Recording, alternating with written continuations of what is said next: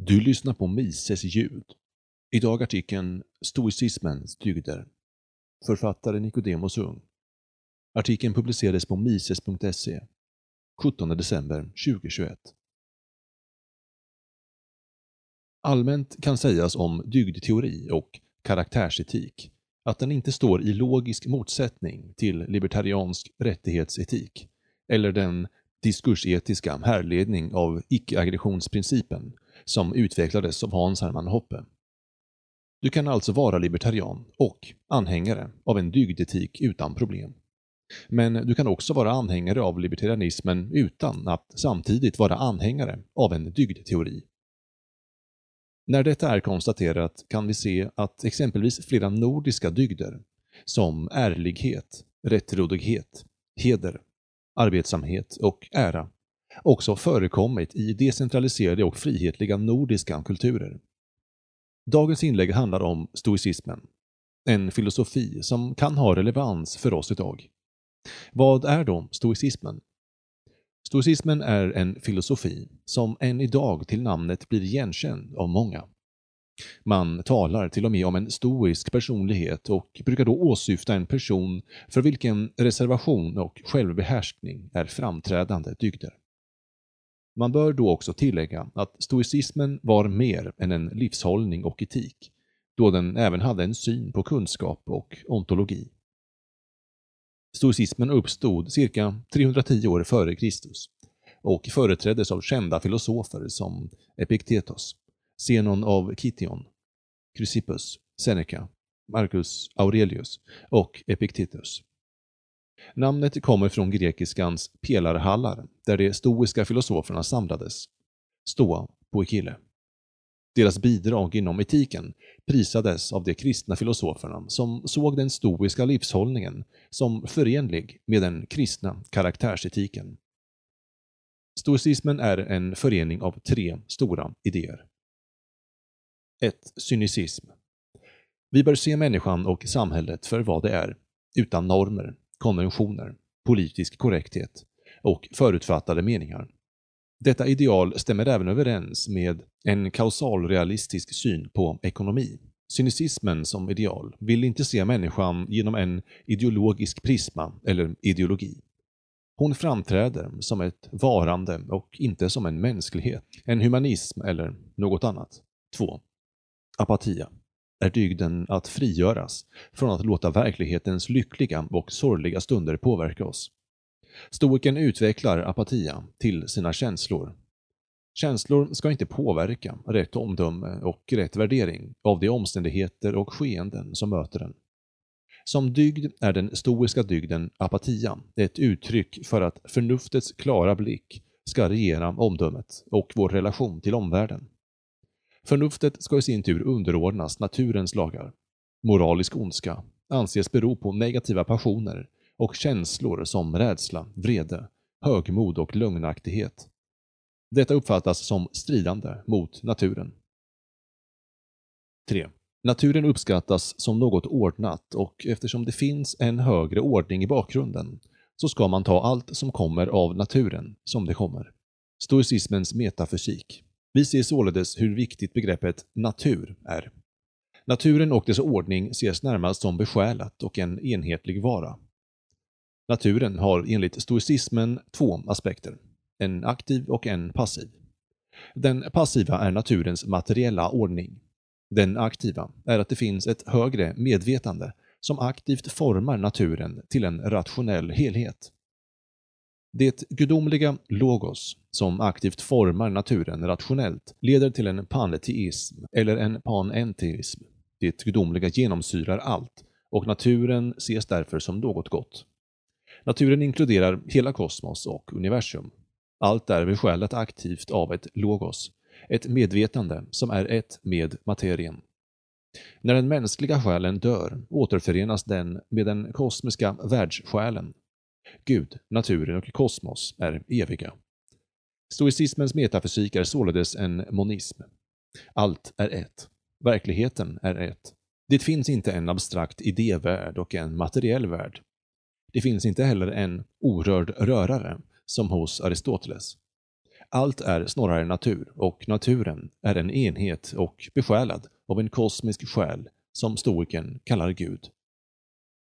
Ett liknande tänkande finner vi även hos mellan och nyplanatonikerna och hos de kristna filosoferna, de tidiga kyrkofäderna. Flera kyrkofäder refererar ofta till stoiska filosofer som Epiktetos och Seneca. En annan likhet med den kristna filosofin är att stoicismen tar avstånd från gnosticismen, som förkunnade att materien var ond och att själen var god. Denna gnosticism återkommer under upplysningen i Europa, men då är det samhället, kapitalet, den västerländska kulturen och kyrkan som ses som något ont. Stoicismen avvisar både Platons idélära och Aristoteles formlära. Istället finns det endast enskildheter. Människan har inte heller en potentialitet utan är en ständig aktualitet, som är med sitt varande hela tiden som agent och skaffar sig kunskap. Naturen skapar avtryck och intryck på människans blanka själ. Detta leder till en slags korresponderande syn på kunskap. Naturen skapar bilder och avtryck på själen, som i sin tur representerar naturen genom idéer och åsikter.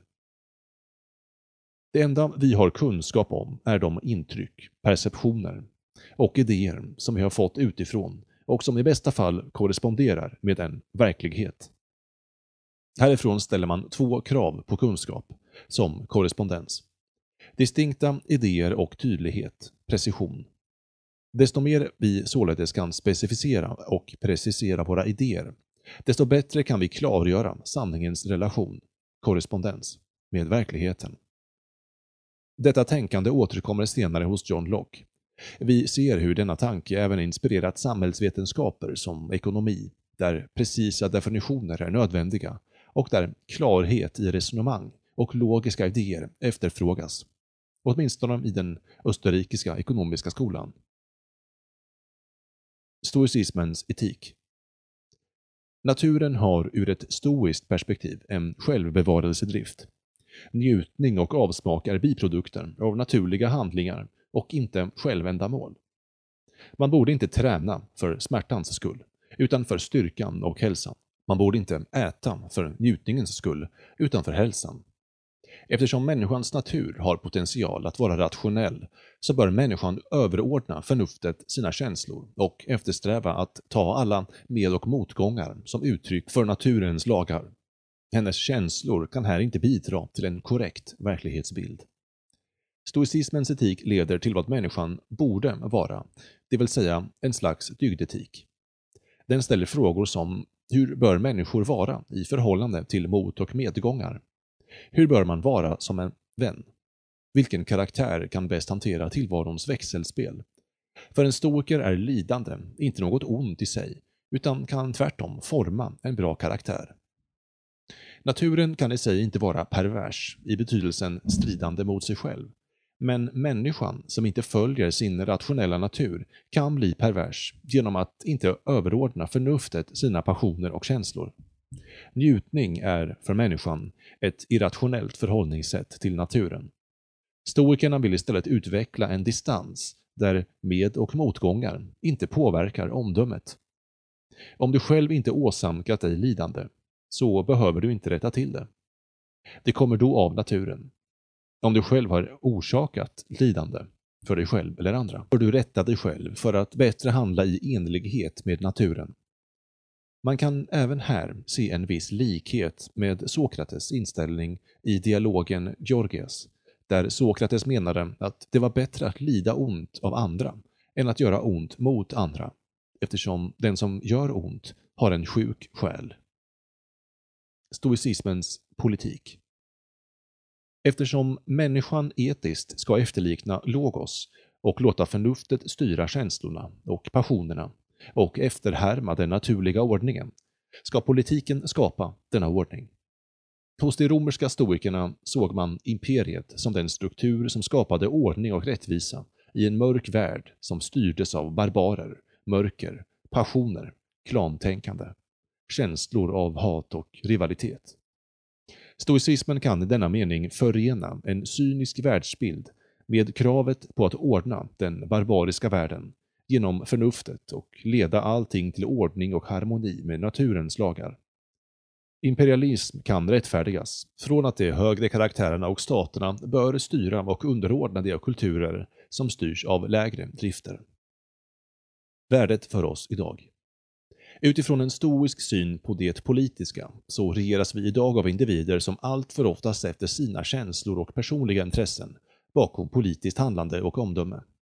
Allt för mycket i vår tid kan ses som bristande karaktär hos de som fattar viktiga beslut och har reell makt.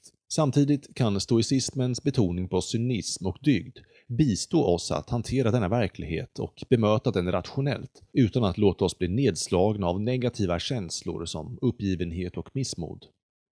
Vi kan istället se hur dessa dygder är kompatibla med våra intressen för en mer rationell ekonomi och ett samhälle som sätter frihetliga värden högre än vad som är politiskt korrekt och känsloladdat. Lästips i detta sammanhang är Epictetus Enchiridion samt Senecas brev.